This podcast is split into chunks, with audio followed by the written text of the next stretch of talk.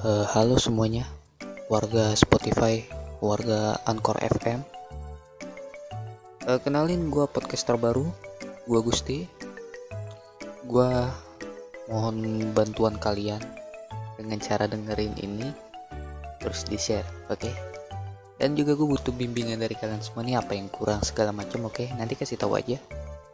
Dan gue mau ngebahas uh, tentang bola dulu sebenarnya podcast gue ini gue juga jelasin dulu ya. Podcast gue ini gue mau ngebahas apa pun itu. Uh, yang ada di kehidupan gue terus uh, keresahan kalian mungkin. Ya pokoknya yang gue suka juga gitu gue bahas. Nah sekarang gue mau ngebahas yang lagi yang lagi banyak ditonton orang-orang khususnya di Indonesia yaitu Euro.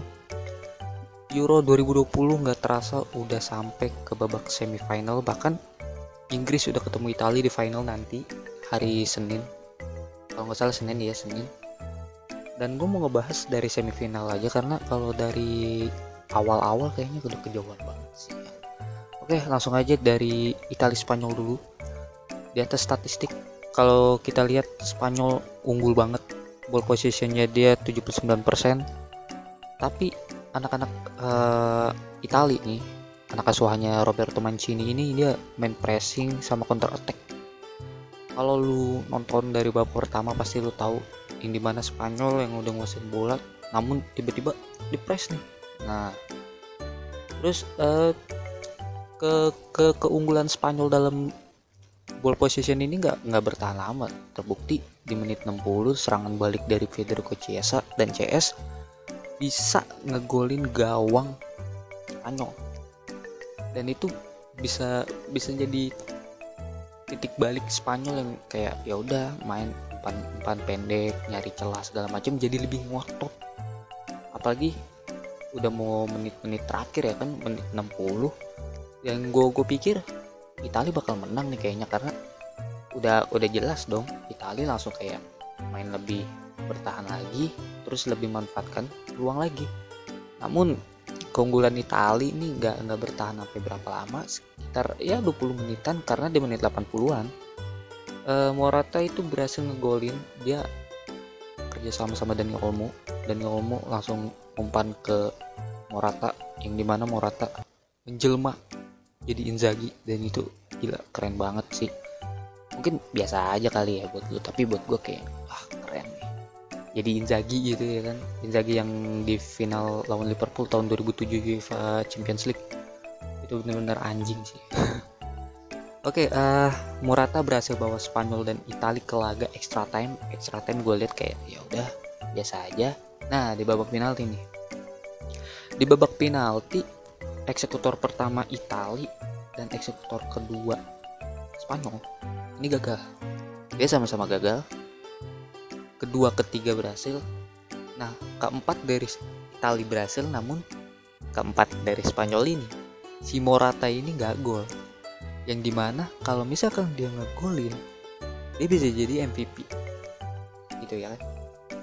Dia ngebawa Spanyol ke final dan dia jadi MVP di laga itu. Tapi sayang nggak gol. Dan si Mancini naruh Jorginho di penendang kelima. Alhasil berhasil golin ya lu tau lah Jorginho kalau penalti juga bagus sih. Oke okay, uh, eh, congrats buat Italia ditunggu di finalnya lawan Inggris.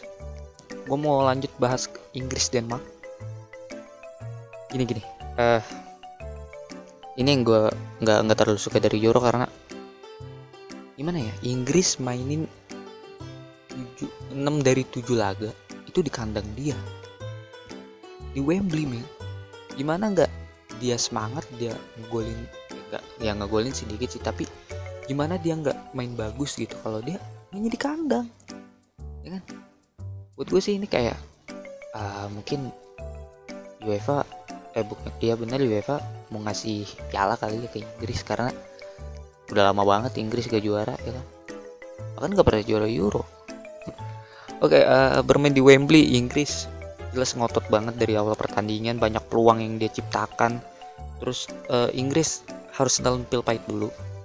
Karena dia kebobolan lewat free kick Damsgaard menit ke 30 buat gue gue pribadi golnya Damsgaard itu keren free kicknya.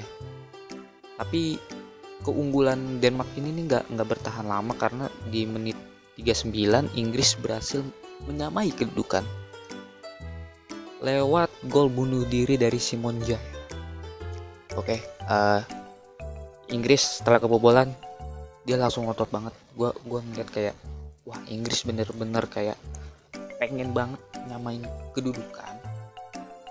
Pada akhirnya bisa nyamain kedudukan. Itu sebenarnya kalau misalkan gak gol ya, Sterling itu udah udah oh kayak acting acting gimana gitu kayak gue keseliding nih gitu tapi karena gue ya jadi nggak jadi gitu nggak jadi ambil penalti nah permainan saling menyerang dari kedua tim ini sampai berlanjut ke babak extra time. Di babak extra time ini gue ngelihat kayak Inggris tetap otot apalagi uh, setelah pergantian pemain-pemainnya yang ada di tengah ya kan seperti Jordan Henderson yang dimasukin gitu.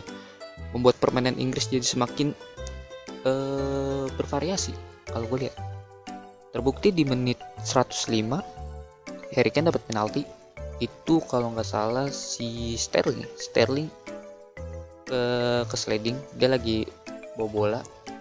Terus di sliding gitu. Nggak nggak di sliding kayak ya sliding lah. Gimana? Gue lupa kejadiannya. Dan alhasil Harry Kane dapat penalti. Itu benar-benar kayak oh oke. Okay. iklan dulu guys. Jenak uh, itu bener-bener buat gue kayak sebuah berkah buat Inggris karena nggak harus memainkan laga sampai penalti. Meskipun penaltinya Harry Kane ini gagal cuman bola reboundnya ini berhasil masuk dan akhirnya Inggris memenangkan pertandingan tersebut dengan skor 2-1 oke. Inggris masuk ke final melawan Italia mainnya di Wembley lagi. Udah jelas siapa yang menang. Enggak juga sih. Bisa jadi Itali dengan bermain di kandang musuh jauh lebih semangat ya kan?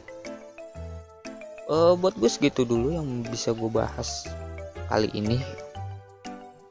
Hmm, gue pengen ngebahas tentang uh, Copa Amerika sih.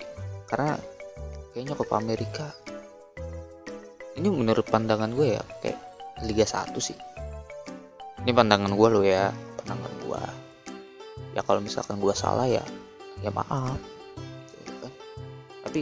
di final Copa America pada hari Minggu nanti ketemu Brazil sama Argentina di kandang Brazil. Wow. Euro Copa America dua tuan rumah. Tapi bedanya di sini Inggris diuntungkan karena dia boleh ditonton oleh supporter. E, maksudnya supporter boleh datang lah ngedukung gitu. Beda sama Copa America yang belum boleh. Jadi yang jelas uh, buat Inggris keuntungannya gede banget. Lolos ke final main di kandang sendiri. Dan buat Itali mungkin dia akan lebih ngotot lagi di final. Gua harap pertandingannya akan seru. Oke uh, segitu aja podcast dari gua. Terima kasih yang udah nonton. Sampai jumpa di podcast podcast selanjutnya. See you at next podcast